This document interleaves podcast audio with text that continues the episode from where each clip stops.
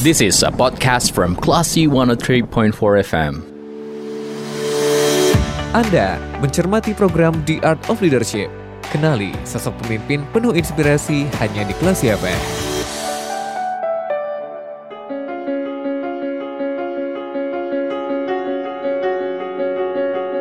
Dari Bumi Garam Putih Darung Padang, 103.4 Kelas FM, this is the actual radio. Assalamualaikum warahmatullahi wabarakatuh. Halo, selamat pagi Classy People. Apa kabar Anda di hari ini? Mudah-mudahan selalu sehat dan juga selalu berbahagia. Senang sekali saya Faris Hardana hadir untuk menemani Anda dalam program The Art of Leadership, di mana kita akan berbicara dengan tokoh-tokoh inspiratif, pimpinan-pimpinan instansi, yang mana beliau akan bercerita bersama kita, sharing kepada kita semua soal seni kepemimpinan beliau, di mana pada hari ini kita sudah bersama dengan Kepala Perwakilan Bank Indonesia Provinsi Sumatera Barat, ada Pak Endang Kurnia Saputra, atau beliau biasa disapa Pak Adang. Assalamualaikum Pak Adang. Waalaikumsalam warahmatullahi wabarakatuh. Bang Faris dan Classy People. Gimana kabarnya Pak? Sehat? Alhamdulillah baik. Alhamdulillah. Nah, selama satu interval Classy People kita akan ngobrol bersama Pak Adang. Kita akan menggali bagaimana profil beliau kemudian menjadi seorang kepala perwakilan Bank Indonesia saat ini di Sumatera Barat, perjalanan karir dan juga perjalanan pendidikan beliau di masa kecil sehingga hingga hari ini bisa dikatakan mungkin menjadi seorang yang berada di posisi yang mungkin bisa jadi diidamkan oleh banyak orang kali ya Pak, pimpinan sebuah perusahaan atau pimpinan sebuah instansi, khususnya yaitu Bank Indonesia. Nah, pertanyaan pertama saya nih Pak, berkaitan dengan posisi Bapak, jabatan Bapak sebagai Kepala Perwakilan Bank Indonesia Provinsi Sumatera Barat. Kabarnya Bapak sejak Februari ya? Du Februari. Februari ya. 2023. Tiga, Itu gimana ceritanya Pak? Hingga bisa ke Sumatera Barat dan kita bertemu pada hari ini. Justru ini juga surprise buat saya. Memang dulu saya sering mengidamkan ya kapan ya mungkin saya bisa berada di Bay Padang. Alhamdulillah hmm. terwujud. Perjalanannya juga saya tidak menyangka karena saya sebelumnya di Bank Indonesia wilayah Jakarta. Tiba-tiba pada suatu hari dipanggil oleh Bapak Gubernur BI dan saya di, alhamdulillah beliau percaya untuk memimpin BI Provinsi Sumatera Barat ya pada oh. tanggal kurang lebih awal Januari kemudian pada awal Februari saya dilantik. Oke. Okay. Hmm. Sudah lebih kurang beberapa bulan berada di Sumatera Barat meskipun tadi Bapak setengah ya. mengatakan sudah mengidamkan sebelumnya berada di Sumatera Barat. betul, betul, betul. Kira-kira apa alasannya Pak? Berpikir saya pengen ke Sumatera Barat deh gitu. Uh, pertama begini ya. Sumatera Barat adalah daerah dengan keunikan yang luar biasa, mm -hmm. ya, terutama adatnya. Yeah Kemudian juga yang kedua daerah ini Sumatera Barat ini memiliki masyarakat yang sebetulnya DNA-nya kuat. Hmm. Tidak ada orang Minang yang tidak uh, uh, tidak ada satu provinsi di Indonesia ini yang tidak ada orang Minangnya. Semua paling tidak ada orang Minang dari mulai Aceh sampai dengan Papua. Semuanya ada menjadi pedagang di hmm, situ okay. dan juga pengusaha kuliner misalnya. Ya. Nah dari sini saya pengen mempelajari kenapa orang Minang bisa sesukses itu ya. Hmm. Uh, uh, apa namanya warga Sumatera Barat juga seperti kita ketahui misalnya contoh saja uh, penguasa Tanah Abang dan Tanah uh, Pekanbaru adalah orang Minang semua, yeah. ya kan? Nah ini ini yang harus kita belajar. Yang ketiga adalah memang kalaupun saya memang ditugaskan di sini cocok hmm. stakeholdersnya paling tidak sama nih uh, sama Muslim dan sebagainya sehingga insya Allah mudah-mudahan bisa sama-sama uh, bekerja sama dengan hmm. baik dengan Bank Indonesia gitu. On the same page gitu ya. Berada. On the same page, on the same boat. Oke. okay. Nah sebelumnya Bapak berada atau bertugas di daerah mana saja nih Pak? Sepertinya perjalanan karir Bapak yeah. udah cukup panjang. Di Bank Indonesia saya hampir 30 tahun dan masuk Bank Indonesia sebetulnya sebagai ODP ya hmm. di tahun 93 eh, diangkat tahun 94. Nah, eh, itu kebanyakan karir saya sebagai auditor bank, okay. pengawas bank. Jadi saya mengawasi pada waktu itu BNI juga menjadi pengawas BRI dan akhirnya juga menjadi anggota tim merger yang sekarang disebut Bank Mandiri. Oke. Okay. Jadi empat orang, dua orang dari Bank Indonesia, dua orang dua orang dari Kementerian Keuangan, saya tim teknis merger tersebut bekerja sama dengan konsultan. Oke. Okay. Dan sebagian besar karir saya di Bank Indonesia ini memang uh, berkaitan dengan sektor perbankan, hmm. ya. sebagai regulator bank, sebagai peneliti di perbankan, juga sebagai pengawas bank. Kemudian saya ditransfer ke Departemen Internasional, ditugaskan di Swiss okay. selama kurang lebih nah, 9 bulan. Hmm. Kembali ke Jakarta, ditempatkan di Bengkulu sebagai Kepala Bank Indonesia Bengkulu, lanjut ke Makassar, dari Makassar ke Jakarta, dari Jakarta alhamdulillah saya berlabuh di ranah Minang okay. saat ini. Mungkin yeah. next time jadi gubernur BI kali Pak. Jauh lah Pak Gubernur sudah ada sekarang. Pak Peri Warjio ya. Oke. Okay.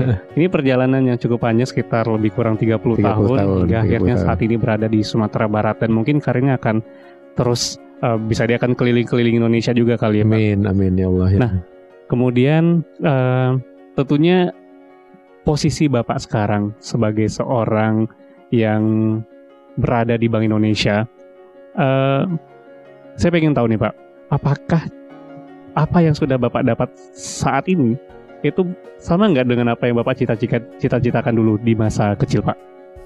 Enggak. Oke. Okay. Enggak sama.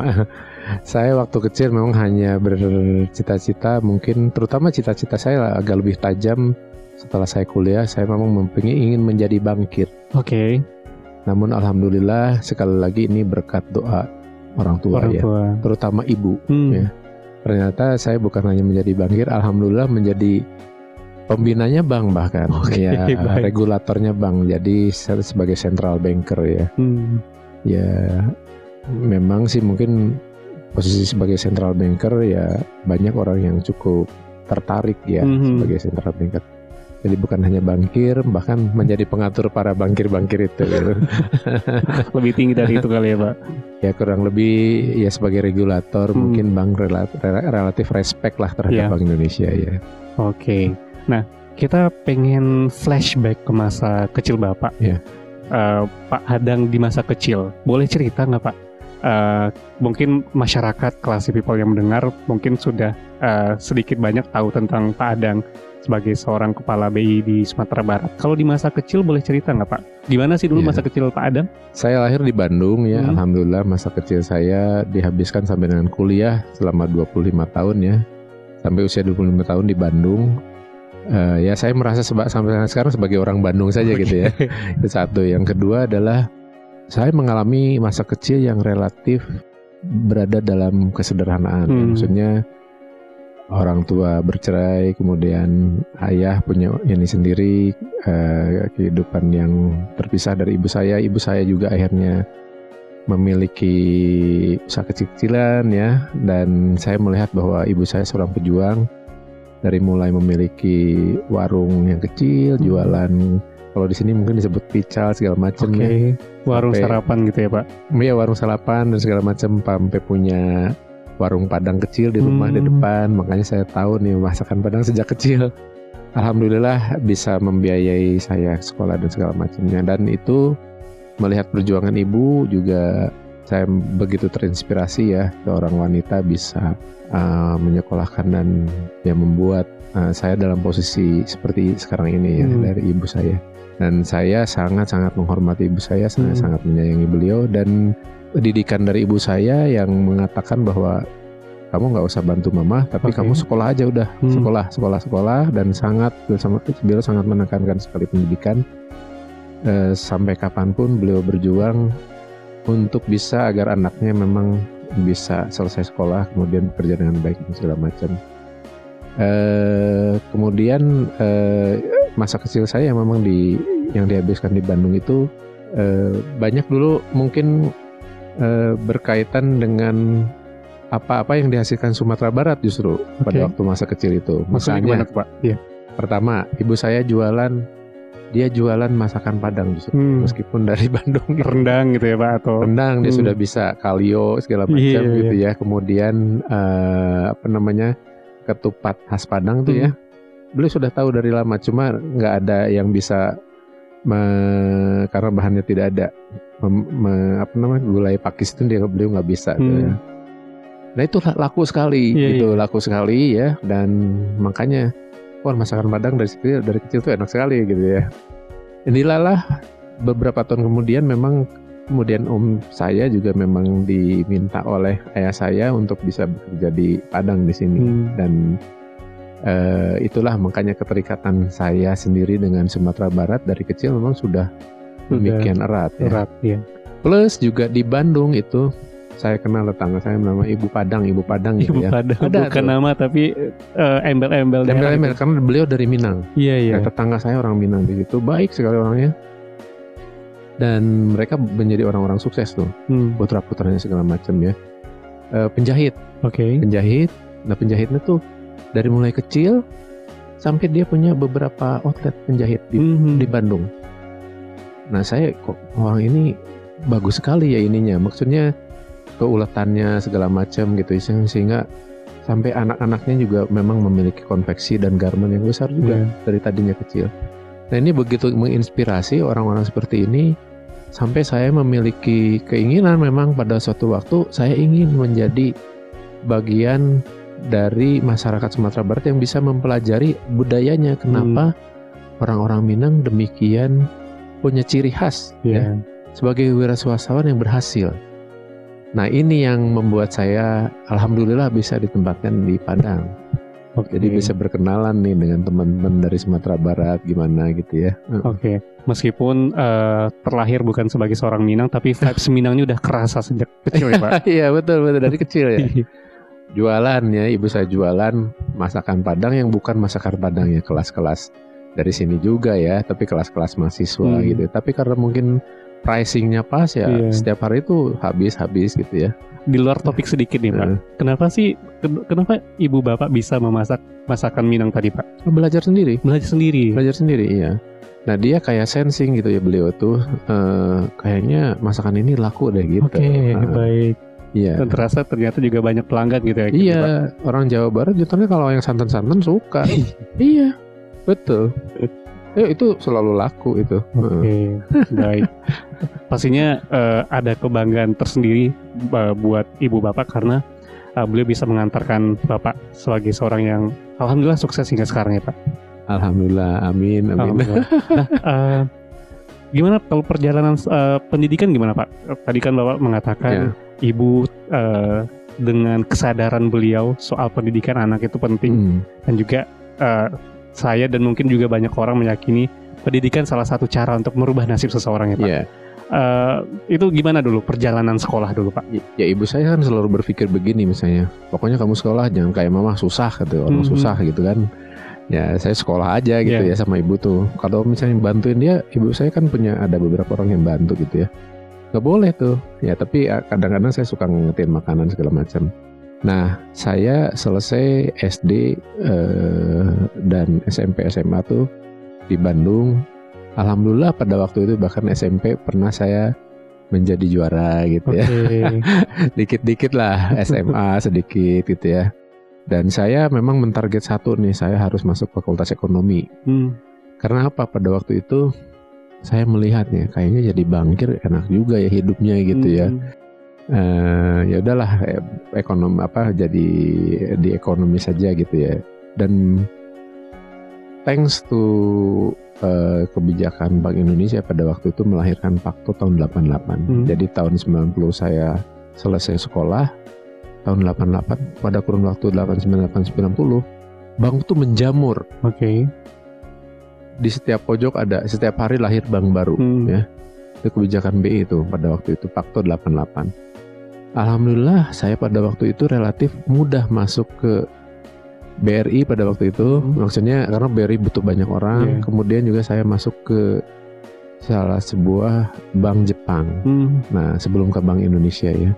Saya bekerja dulu di sini tuh tiga tahun. Kemudian alhamdulillah ada seleksi Bank Indonesia saya melamar Alhamdulillah diterima di sini pada tahun 93. Kalau boleh tahu Fakultas Ekonomi Universitas mana Pak? Di Universitas Pajajaran. Oh, Bandung, Unpad Bandung, ya. Oke, berarti setelah Bapak tamat kemudian tadi mendaftar ke BRI ya Pak?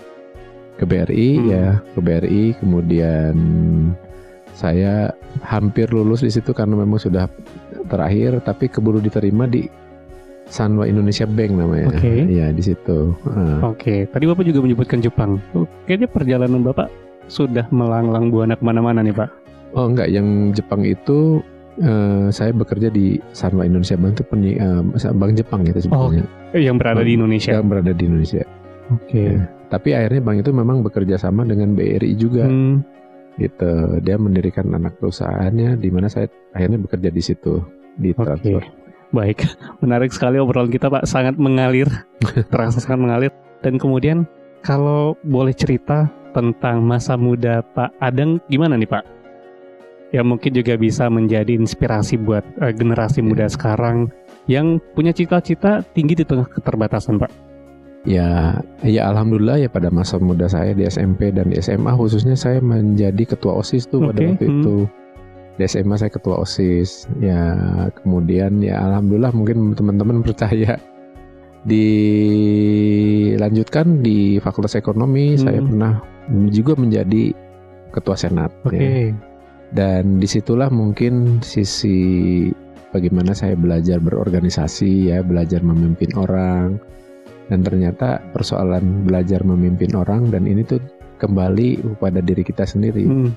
jadi leadership begins with me oke okay. artinya kepemimpinan itu dimulai dari diri sendiri hmm. ya gitu oke okay. itu uh, itu masa-masa muda saya di hmm. sana hmm. di mana hmm, masa muda saya yang memang diisi dengan uh, saya berorganisasi di OSIS hmm. kemudian juga di Senat sampai ikut demo pada waktu itu okay. dengan para mahasiswa di masa orde baru ya Pak. Ya, Unpad, ITB, hmm. UPI di Bandung ya, rame itu di masa orde baru pada hmm. waktu itu. Ya, namanya juga mahasiswa kan dia menyuarakan kepentingan hmm. rakyat sebetulnya dan alhamdulillah mahasiswa pada waktu itu relatif netral gitu yeah. hmm. dan kemudian uh, uh, satu hal yang mungkin membuat saya terkesan di masa muda itu adalah uh, bagaimana masa masa-masa itu saya membentuk persahabatan dengan beberapa orang hmm. dan akhirnya dari mulai SMP sampai sekarang kita sudah seperti adik dan saudara kandung dengan sahabat-sahabat saya itu. Oke, okay. uh. kalau saya simpulkan, Bapak belajar leadership bukan dari teori-teori, tapi memang by doing langsung dari uh, sekolah dulu menjadi ketua osis, kemudian betul. kuliah jadi ketua senat, iya, betul. dan perjalanan-perjalanan hidup hingga sekarang gitu ya Pak. Ah betul betul betul betul betul dan sekarang barangkali ya kalau kita bicara masalah leadership, hmm, ya itu bahwa sebelum memimpin orang kita harus mampu memimpin diri kita sendiri hmm. juga. Nah. Oke, okay, baik. Menarik sekali Pak. Kita akan lanjutkan obrolan kita nanti di sesi kedua. Baik. Dan kelas people jangan ke mana-mana. Kita masih akan berbincang bersama Kepala Perwakilan Bank Indonesia Provinsi Sumatera Barat, Pak Endang Kurnia Saputra dalam program The Art of Leadership. The Art of Leadership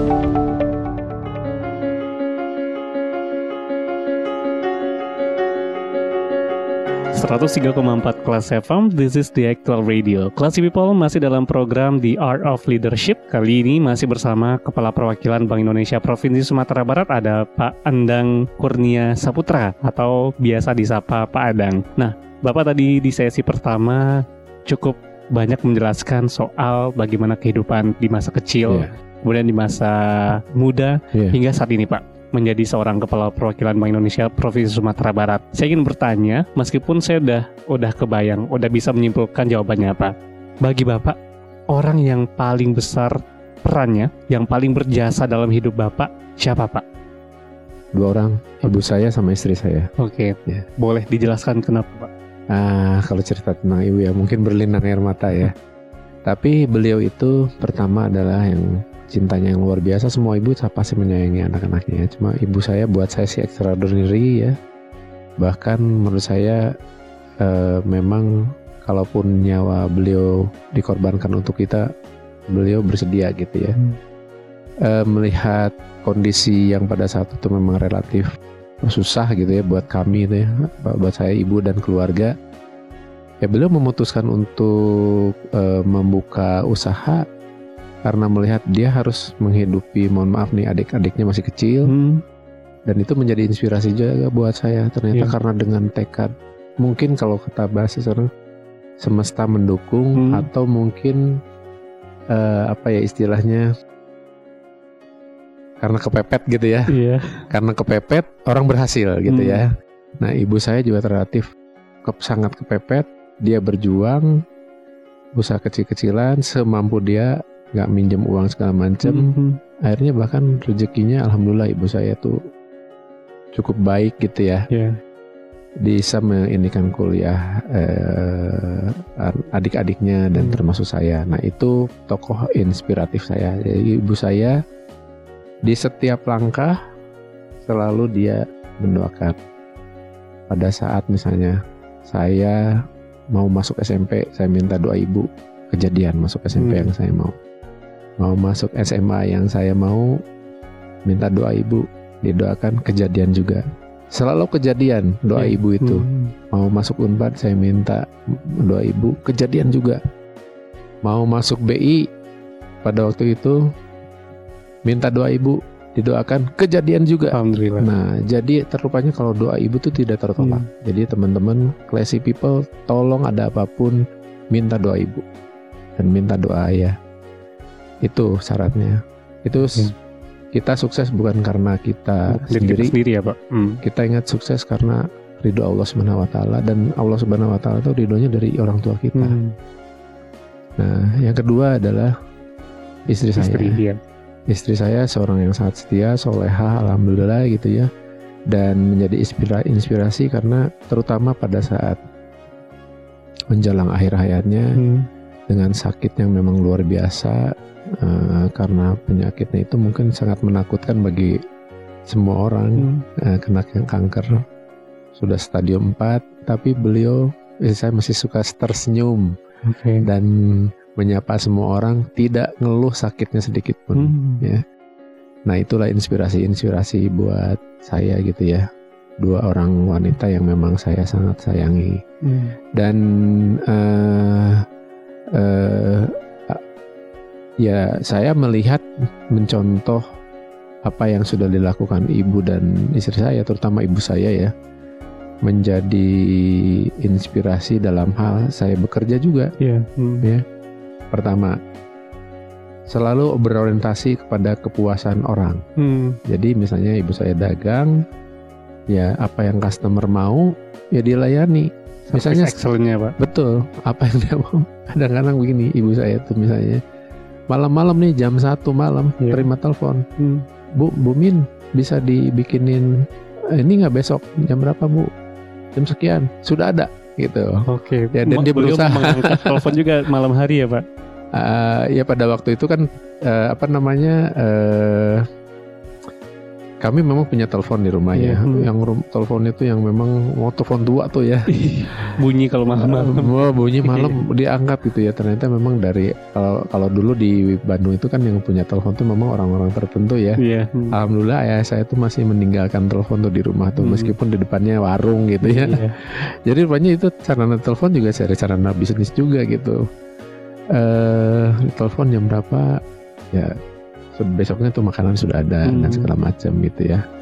Uh, intinya adalah uh, tidak pernah menolak orang meminta sesuatu yeah. gitu ya, meminta tolong sesuatu dan segala macam dan uh, beliau mendedikasikan kehidupannya memang untuk membangun agar adik-adiknya juga saya bisa mendapatkan nasib yang lebih baik gitu hmm. daripada daripada apa yang beliau alami okay. gitu.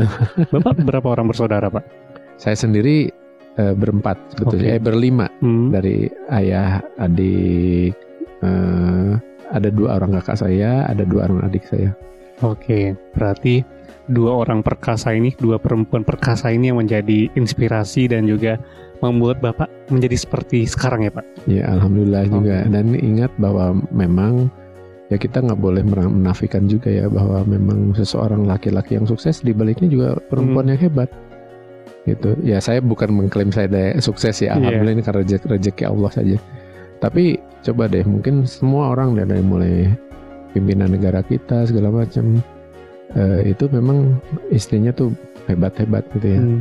karena apa misalnya uh, coba bapak-bapak yang tanpa ini ya bisa nggak dia menghandle anak-anak uh, belum Kalau, bisa dipastikan. Ya itu ya, dia hmm. itu hebatnya ibu-ibu yang bisa menghandle anak-anak sehingga pikiran bapak-bapak tenang bekerja hmm. segala macam. Oke. Okay. Gitu. Kolaborasi suami istri gitu ya, Pak? Iya, tapi itu natural aja kan, iya. berjalan natural aja gitu. Seperti yang kita bahas tadi, uh, bukan berdasarkan teori-teori, tapi memang karena karena ini yang terjadi, kemudian natural aja berjalan gitu ya, Pak? Iya, iya, betul, betul, betul. Naturalnya aja yang berjalan. Ya, seperti itulah.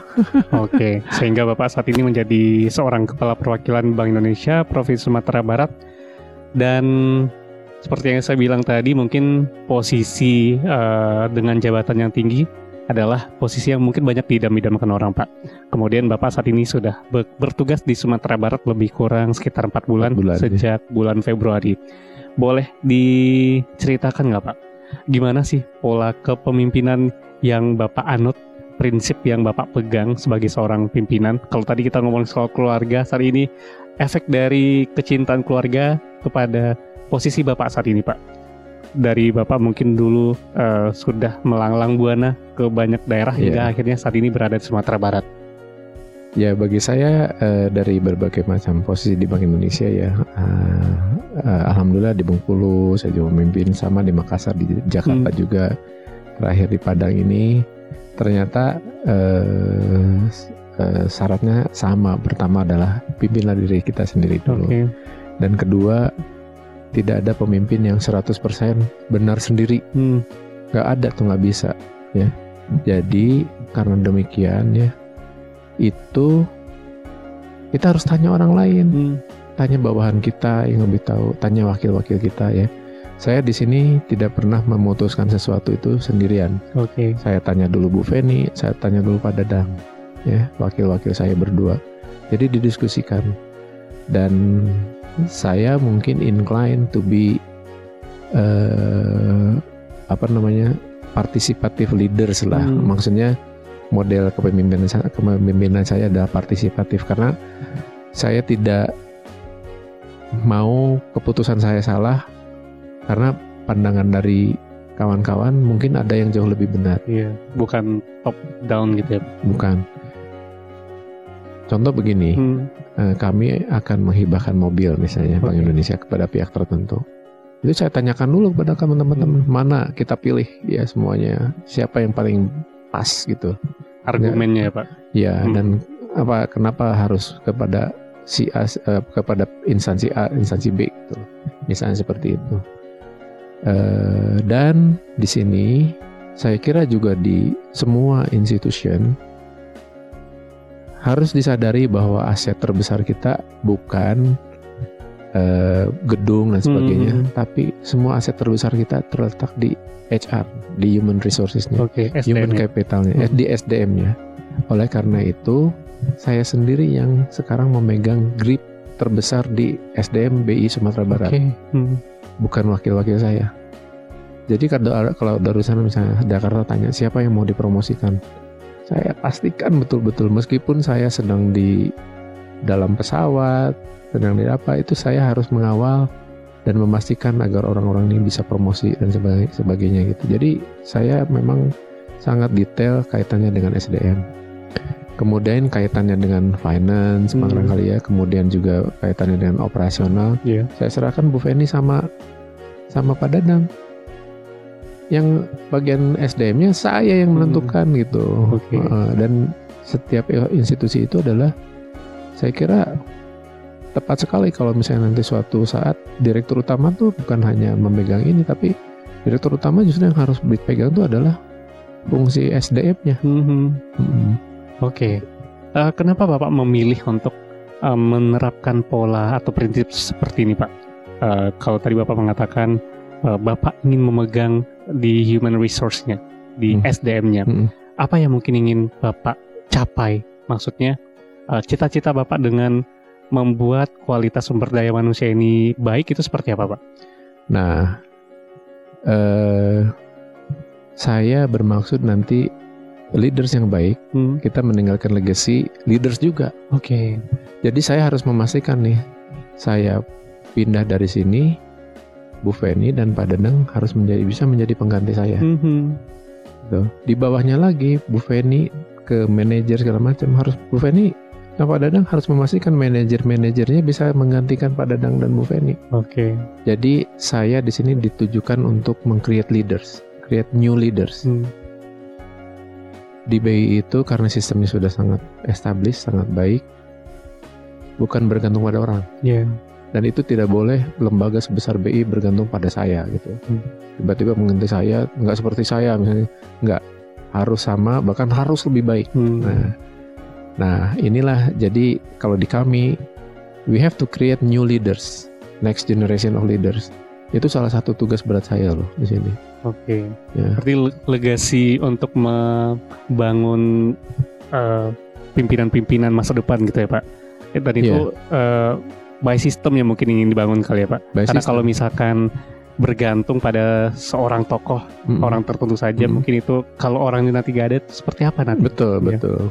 Hanya memang kan karakter orang lain-lain ya misalnya yeah. leader ini begini leader ini begini. Mm. Nah Nah, namun di BI ini yang sangat ditekankan oleh Pak Gubernur dan BI as a whole adalah wajib bagi kita untuk bisa membangun jejaring. Oke. Okay. Nah, dengan klasi, dengan klasi people, dengan siapa pun hmm. di sini Bank Indonesia harus tetap semuanya baik hmm. gitu. Tetap harus menjadi kawan kita.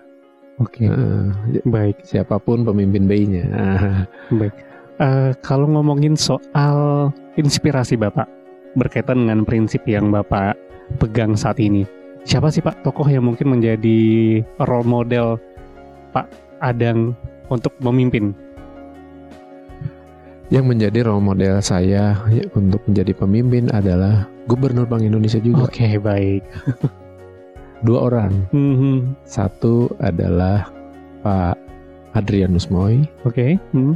Nah, beliau yang melahirkan ekonomi Indonesia yang bisa tumbuh melesat cepat dengan faktor 88 tadi. Jadi bank tuh banyak. Hmm. Ya. Sehingga Bapak juga bisa ya. bergabung ke Bank BRI dulu ya Pak? Ya, BRI ya, kemudian juga dari BRI ke anak perusahaannya. Hmm. Kemudian Gubernur Peri Warjo sebagai tokoh uh, yang saya kagumi juga ya. gubernur yeah. yang sekarang. Hmm. Karena khususnya untuk Pak Gubernur Peri Warjio saya melihat beliau adalah maha gurunya kebijakan moneter di bank di Indonesia saat hmm. ini ya beliau tahu ilmu kebang sentralan itu dari mulai kecil sampai dengan yang sangat-sangat strategisnya dan sangat visioner.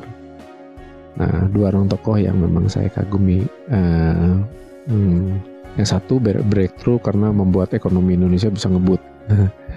Nah, bapak saya yang saat ini memimpin Bank Indonesia menjadi Gubernur BI adalah pimpinan yang sangat-sangat memahami uh, Bank Indonesia juga sangat-sangat memahami bagaimana harus Indonesia ini dibangun sebetulnya hmm. uh, melalui kebijakan moneter yang uh, sangat uh, pro growth gitu ya, yeah. pro pertumbuhan. Nah, okay. Itu dua tokoh kita.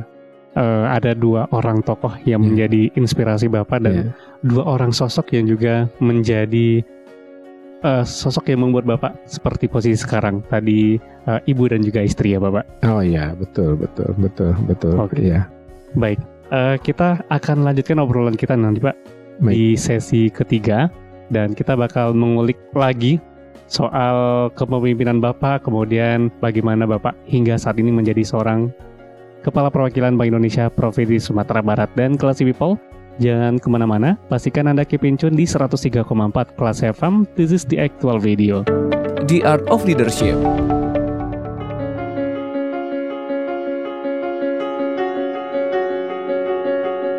103,4 kelas FM, this is the actual radio. Classy people, kita sampai di sesi terakhir dalam program The Art of Leadership. Masih bersama Kepala Perwakilan Bank Indonesia Provinsi Sumatera Barat, ada Pak Endang Kurnia Saputra atau Pak Adang. Nah, Pak Adang tadi sudah di sesi pertama kita bahas soal keseharian Bapak di masa kecil, di masa muda, sehingga menjadi seperti saat ini. Kemudian di sesi kedua, bagaimana seni kepemimpinan, The Art of Leadership dari seorang Pak Adang yang merupakan Kepala Perwakilan Perwakilan Bank Indonesia Provinsi Sumatera Barat. Kemudian saya ingin menyentil sedikit nih Pak soal kondisi perekonomian khususnya di Sumatera Barat.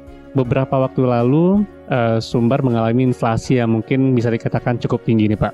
Kemudian apa sih langkah-langkah yang Bapak bisa lakukan untuk membuat kondisinya kembali stabil nih Pak dengan pendekatan seni kepemimpinan yang sudah Bapak jalankan selama ini? Baik, terima kasih uh, classy people juga yang saya sayangi ya. Inflasi sumber sempat tinggi hmm. 7,43 dan menjadi inflasi tertinggi se-Indonesia tapi good news okay. sekarang inflasinya sudah menurun, hmm. berada dalam rentang 4 persenan. Jadi dari 7 ke 4 persen turun 3 persen yeah. tuh. Saya justru terima kasih dan sangat memberikan apresiasi, apresiasi yang setinggi-tingginya kepada Pemprov uh, Sumatera Barat, para kepala daerah seluruh Sumbar, dan juga TPID, Tim Pengendalian Inflasi Daerah Sumatera Barat. Karena inflasi dalam kurun waktu 6 bulan bisa turun 3 persen itu luar biasa. Hmm. bahkan tiga setengah persen turunnya. Nah dari 7 sampai ke 4 7,43 menjadi 4 persenan ya. Berarti 3,4 persen turun. Belum pernah ada daerah yang bisa menurunkan inflasi dalam waktu enam bulan. Hmm.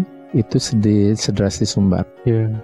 apa rahasianya? Pertama jadi pemerintah Sumatera Barat bekerja sama antara daerah dengan Jawa Tengah, Jawa Barat, Jawa Timur sehingga suplai bahan yang memang menyebabkan inflasi antara lain cabai merah, yeah. kemudian telur segala macam pada waktu Lebaran kemarin justru melimpah ruah hmm. di sini. Dan sepanjang sejarah ekonomi Sumatera Barat kemarin pertama kali dalam sejarah pada bulan Ramadan terjadi deflasi alias penurunan harga okay. bukannya naik hmm. ya di Sumatera Barat ini khususnya harga cabai telur dibandingkan dengan Ramadan tahun lalu ternyata dia jauh berkurang yeah. ya nah ini yang menjadikan kunci sukses uh, inflasi pengendalian inflasi di Sumatera Barat plus juga pemerintah provinsi ini mungkin uh, masyarakat tahu nih melalui Toko Tani Invest uh, yeah. Indonesia Center TTIC hmm. Dia ada 194 titik pasar murah di Sumatera Barat. Di Sumatera Barat. Hmm. Nah, alhamdulillah dengan pasar murah eh, harga-harga bisa terkendali sebetulnya. Nah, ini salah satu keberhasilan uh, apa namanya pemerintah provinsi juga didukung oleh kepala-kepala daerah lainnya. Hmm. Termasuk juga ada peran Bank Indonesia di dalamnya, Pak. Bank Indonesia memfasilitasi misalnya pasar murahnya kita bantu biayain dan ya. sebagainya ya. seperti itu. Oke, kalau Bapak lihat saat ini di Sumatera Barat sektor yang paling menyumbang eh, pendapatan untuk daerah di Sumatera Barat itu apa sih Pak? Perdagangan. Oke. Dua transportasi hmm. dan pergundangan. Perdagangan ini jadi memang Sumatera Barat ini uh, ya menjadi provinsi yang memang uh, menjual barang yang memang dia datangkan dari provinsi lain di sini hmm. ya kemudian disalurkan lagi kepada provinsi yang memang daya belinya lebih tinggi misalnya dibandingkan dengan Sumbar yaitu ke provinsi Riau yeah. dan Kepulauan Riau. Nah melalui Sumbar tuh dan melalui diaspora para saudagar Minang hmm. di situ. Nah ini bagus sekali perdagangan ini cukup meningkatkan pertumbuhan ekonomi uh, di Sumatera Barat yang sampai saat ini sudah mencapai 4,87 persen. Sumbar ini uh, dengan angka inflasi yang turun ya, angka inflasi turun. Jadi sekarang ini dimulai tahun 2023 hmm. ekonomi Sumatera Barat mulai on the track nih. Pertumbuhannya kembali positif, inflasinya menurun. Nah, ini modal baik bagi pembangunan ekonomi Sumbar saat ini nih. Okay. Jadi 2023 titik balik perbaikan ekonomi Sumatera Barat saat ini. Baik.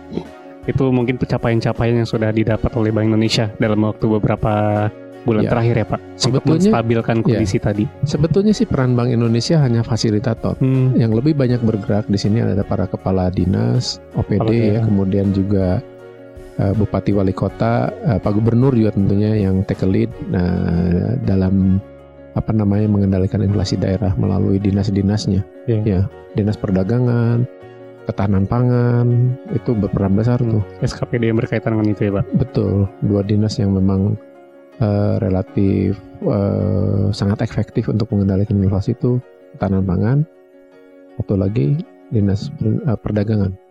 Hmm. Oke, okay, baik. Saya pikir cukup untuk pencapaian yang sudah didapat oleh Bank Indonesia khususnya, kemudian juga perjalanan hidup Bapak dan juga kerjasama dengan instansi-instansi terkait dengan pengendalian hmm. ekonomi di Sumatera Barat.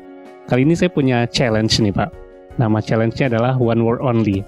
Ketika saya sebut sebuah kata, nanti Bapak gambarkan kata tersebut dengan satu kata. Misalkan saya menyebut batu misalkan. Apa bayangan Bapak soal batu itu? Hmm. Satu kata saja Pak. Kira-kira kita hmm. bisa mainnya Pak? Baik, baik. Oh, Oke, okay, ya. baik. Ada delapan kata yang sudah saya siapin dari percakapan kita tadi Pak. Yang pertama adalah Bank Indonesia. Stabil. Stabil. Oke. Okay. Yang kedua adalah ibu. Kasih sayang. Oke. Kemudian Bandung. Kreatif. Kreatif. Baik. Kemudian new leader. Caring. Caring. Oke. Okay. Lalu hmm. fakultas ekonomi. Bagus. Selanjutnya leadership. Begins with me. Begins with me. Lalu yang terakhir, ah, dua terakhir perbankan. Kuat. Kuat. Dan terakhir adalah istri. Cinta. Cinta. Baik. Ada delapan kata yang sudah Bapak gambarkan dengan satu kata nih Pak. Tadi yang pertama adalah Bank Indonesia. Jawaban Bapak adalah stabil. Boleh diceritakan Pak, kenapa Bapak menggambarkan Bank Indonesia stabil? Karena Bank Indonesia berhasil menjaga stabilitas ekonomi makro kita. Hmm. Ya, pre pandemi kita luar biasa kita berat menjaganya ya. Uh, ekonomi kita hmm, terjun bebas yeah. ya, hmm. pertumbuhannya negatif segala macam kemudian juga memang inflasi rendah, uh, orang banyak beralih ya, mungkin juga karena layoff segala macam. Tapi alhamdulillah berkat uh, sinergi Bank Indonesia dengan yang lainnya, stabilitas ekonomi makro kita kembali mulai pulih. Oke, baik. Kemudian selanjutnya adalah Bandung dengan kreatif. Itu kenapa Pak? Bandung tuh pusat orang-orang kreatif mungkin kalau tidak bisa saya sampaikan se Indonesia paling kali paling tidak salah satu kota terkreatif hmm. di Jawa lah hmm. ya di sana coba sebut para musisi banyak dari Bandung hmm. ya ada Noah lah, iya. Kahitna lah. Nah, gue nggak salah Ariel juga bagian. Ariel, ada. Ariel orang sini, tapi iya. kan besarnya di Bandung iya. ya. Tulus orang hmm. sini juga hmm. sama dia di dari Bandung juga okay. mulai karirnya. Itu kemudian juga fashion yang unik-unik kan hmm. datangnya pertamanya biasanya dari Bandung ya. Kemudian seni rupa jangan hmm. lupa ya. Di sana juga ada leading school misalnya Fakultas Seni Rupa dan Desain ITB yang memang sudah ke mana-mana hmm. karyanya ya. Misalnya Garuda Wisnu Kencana tuh dilahirkan oleh kreatif atas orang Bali yang sekolah di Bandung. -hmm. Nah, Oke, okay. Bapak nah. suka musik, Pak? musik suka suka hmm. sekali iya tuh penyanyi penyanyi kekinian tulus iya iya betul sangat okay. hafal satu hal yang bagus ya satu band yang bagus dan kreatif sekali namun indie Moka misalnya oke okay, iya Moka nah, hmm. Suka pak Bandung suka itu ya. muda banget jiwanya pak jadi Bandung memang kota kreatif ya. hmm. ya uh. baik itu tadi Bank Indonesia kemudian Bandung Selanjutnya adalah new leader dengan caring. Saat ini terjadi tren di dunia ya bahwa leader-leader itu harus caring hmm. ya. Jadi ada stream gaya leadership baru yaitu caring leadership. Oke. Okay.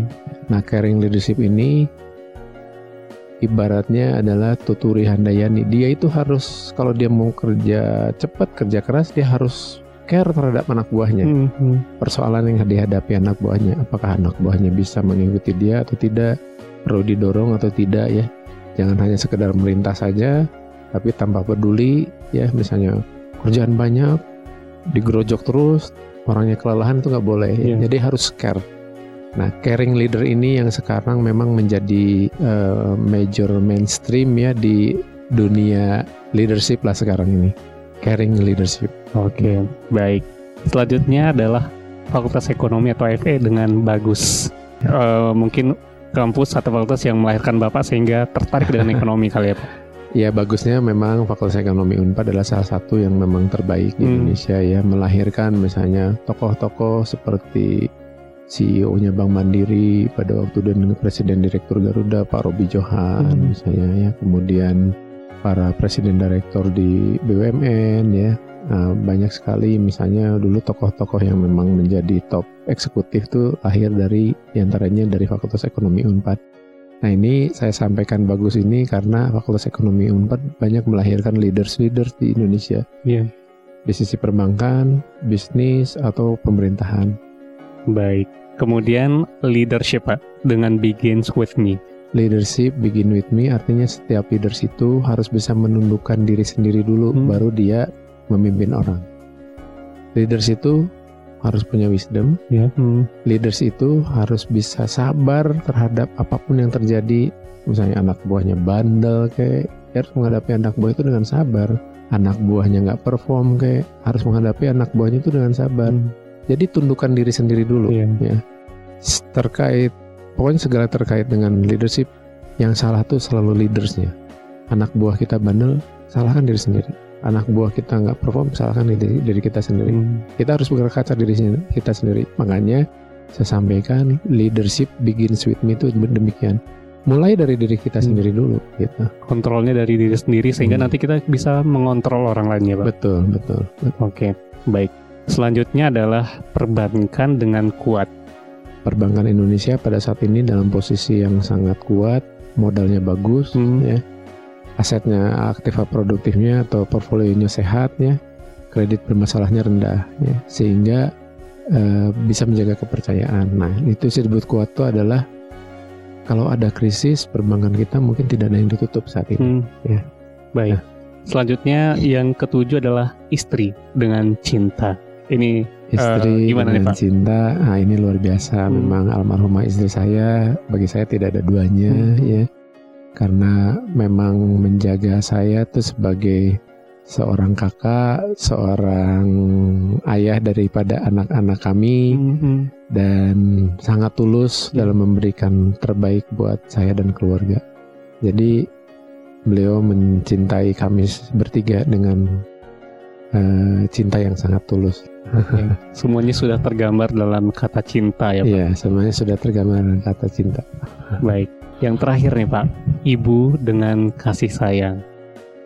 Ibu apalagi ya, karena hmm, bagi saya ibu memang semua baik dari jasmani sampai rohaninya memang berisi full kasih sayang kepada anak satu-satunya. Uh, bahkan se tetes kecil keringat ibu pun nggak bisa saya balas biasanya. karena apa yang dia sampaikan ke kita adalah penuh dengan rasa kasih rasa sayang orang ibu kepada anaknya. Yang tidak mungkin kita bisa balas. Ya. Saya kira ibu mana pun demikian ya. Ibunya Bang Faris juga sama saya rasa ya. Jadi ibu kita sebetulnya adalah sumber kasih sayang kita ya. Oke okay. baik. Beliau yang segalanya ada buat anak segalanya ya? ada buat anaknya saja. Okay. dari pembahasan kita soal ibu memang cukup emosional pembahasan yeah. soal ibu ya pak? Betul betul betul. Baik. Mudah-mudahan nanti kita bisa menjadi orang tua terbaik juga buat anak-anak kita. Amin, seperti amin. ibu kita orang tua kita, kita. merawat kita dulu di masa kita kecil. Betul betul. Baik sebelum saya akhiri nih pak saya pengen tahu pasti setiap orang punya masa-masa up and down-nya. Uh, kalau buat Pak Adang sendiri, masa paling down, masa titik terendah dalam hidup itu gimana dulu Pak? Dan gimana Bapak bisa survive dan bangkit sehingga bisa menjadi seperti sekarang? Meskipun tadi Bapak belum mengkategorikan diri Bapak sukses, tapi orang di luar pasti sudah melihat ada pencapaian luar biasa yang Bapak dapatkan uh, masa down saya sebetulnya karena kehilangan dua orang yang saya sangat sayangi, ibu, ayah saya juga itu dan satu orang lagi sebetulnya istri saya ya. Jadi ada tiga orang yang sangat saya sayangi, terutama ibu dan istri saya ya. Uh, ya bagi saya adalah uh, kedua wanita hebat ini Ya pertama tadi memang sumber kasih sayang dan cinta hmm. buat saya ya, buat yang menyinari saya sendiri gitu ya. Kehilangan mereka betul-betul saya terpukul sekali. Hmm. Ya. Uh, bahkan saya juga sudah memang sudah kehilangan istri, uh, dipanggil Allah Subhanahu Wa Taala. Saat ini dalam kondisi yang memang boleh saya sampaikan memang sangat kehilangan, sangat merasa kehilangan. Nah, bagaimana saya mengatasinya? Pada saat ibu saya meninggal sih memang saya kebetulan masih ada istri saya. Hmm. Kemudian anak-anak saya juga bisa menghibur dan sebagainya dan yang eh, pada saat saya kehilangan istri saya ya obat saya adalah bekerja dengan sebaik-baiknya okay. nih kerja di kantor dan sebagainya mungkin juga bisa eh, berkumpul sama anak itu luar biasa hmm. kebahagiaan yang luar biasa saat ini hmm. ya jadi kehilangan dua orang yang memang sangat saya cintai memang berat berat ya. Oke. Okay. Saya rasa juga sama saja itu di eh, kawan-kawan yang lainnya hmm. juga ya. Kita mencintai seseorang dengan memang betul-betul kita sayang banget kepada yang bersangkutan gitu ya. Kehilangan karena dipanggil yang memilikinya pasti hmm. sangat terpukul lah. Dan rasa sayang, rasa cinta itu nggak bakal pernah luntur akan tetap ada sampai, sampai kapan pun. Sampai kapan pun, sampai kapan pun ya betul. Ya begitulah yang mungkin masa-masa yang memang penuh kesulitan buat saya hmm, untuk bisa uh, apa namanya untuk bisa bangkit kembali untuk menjaga agar saya bisa bertawakal, sabar menghadapi ini hal ini. Oke, baik. Good newsnya adalah saya memiliki kawan-kawan di kantor hmm. Sumatera Barat yang paling tidak bisa membuat saya agak sedikit lupa lah ya. tapi begitu pulang ke rumah hmm. misalnya oh, teringat lagi, hmm. teringat lagi. Ya. Baik, mudah-mudahan kebahagiaan selalu menyertai kita ya Pak. Amin, Allah. amin, amin ya Allah ya Baik, baik. Uh, terakhir closing statement nih Pak uh, atas pembahasan kita dari sesi pertama sampai sesi ketiga apa yang mungkin ingin Bapak sampaikan kepada classy people pendengar kita yang sedang mencermati program di Art of Leadership hari ini. Untuk classy people sekali lagi sebelum kita bisa memimpin kita harus bisa memimpin diri kita sendiri dulu ya. Dan sampai sekarang pun meskipun saya dalam posisi yang memang sekarang menjadi pimpinan, hmm. saya justru masih dalam tahap belajar. Hmm. Ya tahap belajar untuk bisa memimpin diri sendiri dulu ya. ya dan itu struggling tuh karena kita pertama misalnya kita nggak boleh marah sama yeah. orang ya kita harus bisa menjaganya nah itulah bagian kita memimpin diri kita sendiri ya oleh karena itu misalnya kenapa dalam agama kita ya diajarkan kita harus puasa yeah. menjaga amarah segala macam karena memang bagian itulah yang memungkinkan kita bisa memerangi menahan dan memimpin diri kita sendiri. Hmm. Jadi so classy people, saya juga mendoakan seluruh classy people bisa menjadi top leaders, bisa menjadi pemimpin bagi bagi diri sendiri, bagi keluarga, bagi masyarakat dan mudah-mudahan ada yang menjadi pemimpin bangsa ini. Hmm. Amin. Mudah-mudahan estafet kepemimpinan terus berlanjut ke generasi muda iya. dan setiap orang juga punya pemikiran yang sama, legacy yang mereka turunkan untuk membentuk menciptakan new leader itu juga mudah-mudahan bisa dimiliki oleh semua orang ya Pak. Betul betul, amin. amin. Baik dan Uh, demikian kelas people obrolan kita bersama Kepala Perwakilan Bank Indonesia Provinsi Sumatera Barat. Ada Pak Andang Kurnia Saputra atau Pak Adang cerita tentang kehidupan beliau, kemudian bagaimana kepemimpinan seni kepemimpinan yang beliau lakukan selama memimpin khususnya di Bank Indonesia Sumatera Barat. Yeah. dan tentunya banyak hal yang sudah dapat kita pelajari pada hari ini. Dan kehambalan beliau juga uh, menerima kita di kantor perwakilan Bank Indonesia pada hari ini. Dan Terima kasih Terima kasih kembali Bapak sudah menerima kita dengan hangat Terima kasih Bang Faris dan terima kasih Classy People. Classy People saya doakan sehat selalu Amin. dan banyak rezekinya. Insya Allah. Harus ya Pak, harus Amin. banyak rezeki. Harus, harus banyak rezeki. Baik. Dan Anda jangan lupa untuk mencermati program The Art of Leadership setiap hari Kamis di jam 7 pagi dan Anda bisa mencermati rirannya di jam 7 malam di hari yang sama. Akhirnya saya Faris Hardana dan Pak Adang atau Pak Endang Kurnia Saputra, Kepala Perwakilan Bank Indonesia Provinsi Sumatera Barat pamit dalam program The Art of leadership. Terima kasih. Wassalamualaikum and then see you. Terima kasih. Anda baru saja mencermati The Art of Leadership. Sampai jumpa lagi di Kamis depan.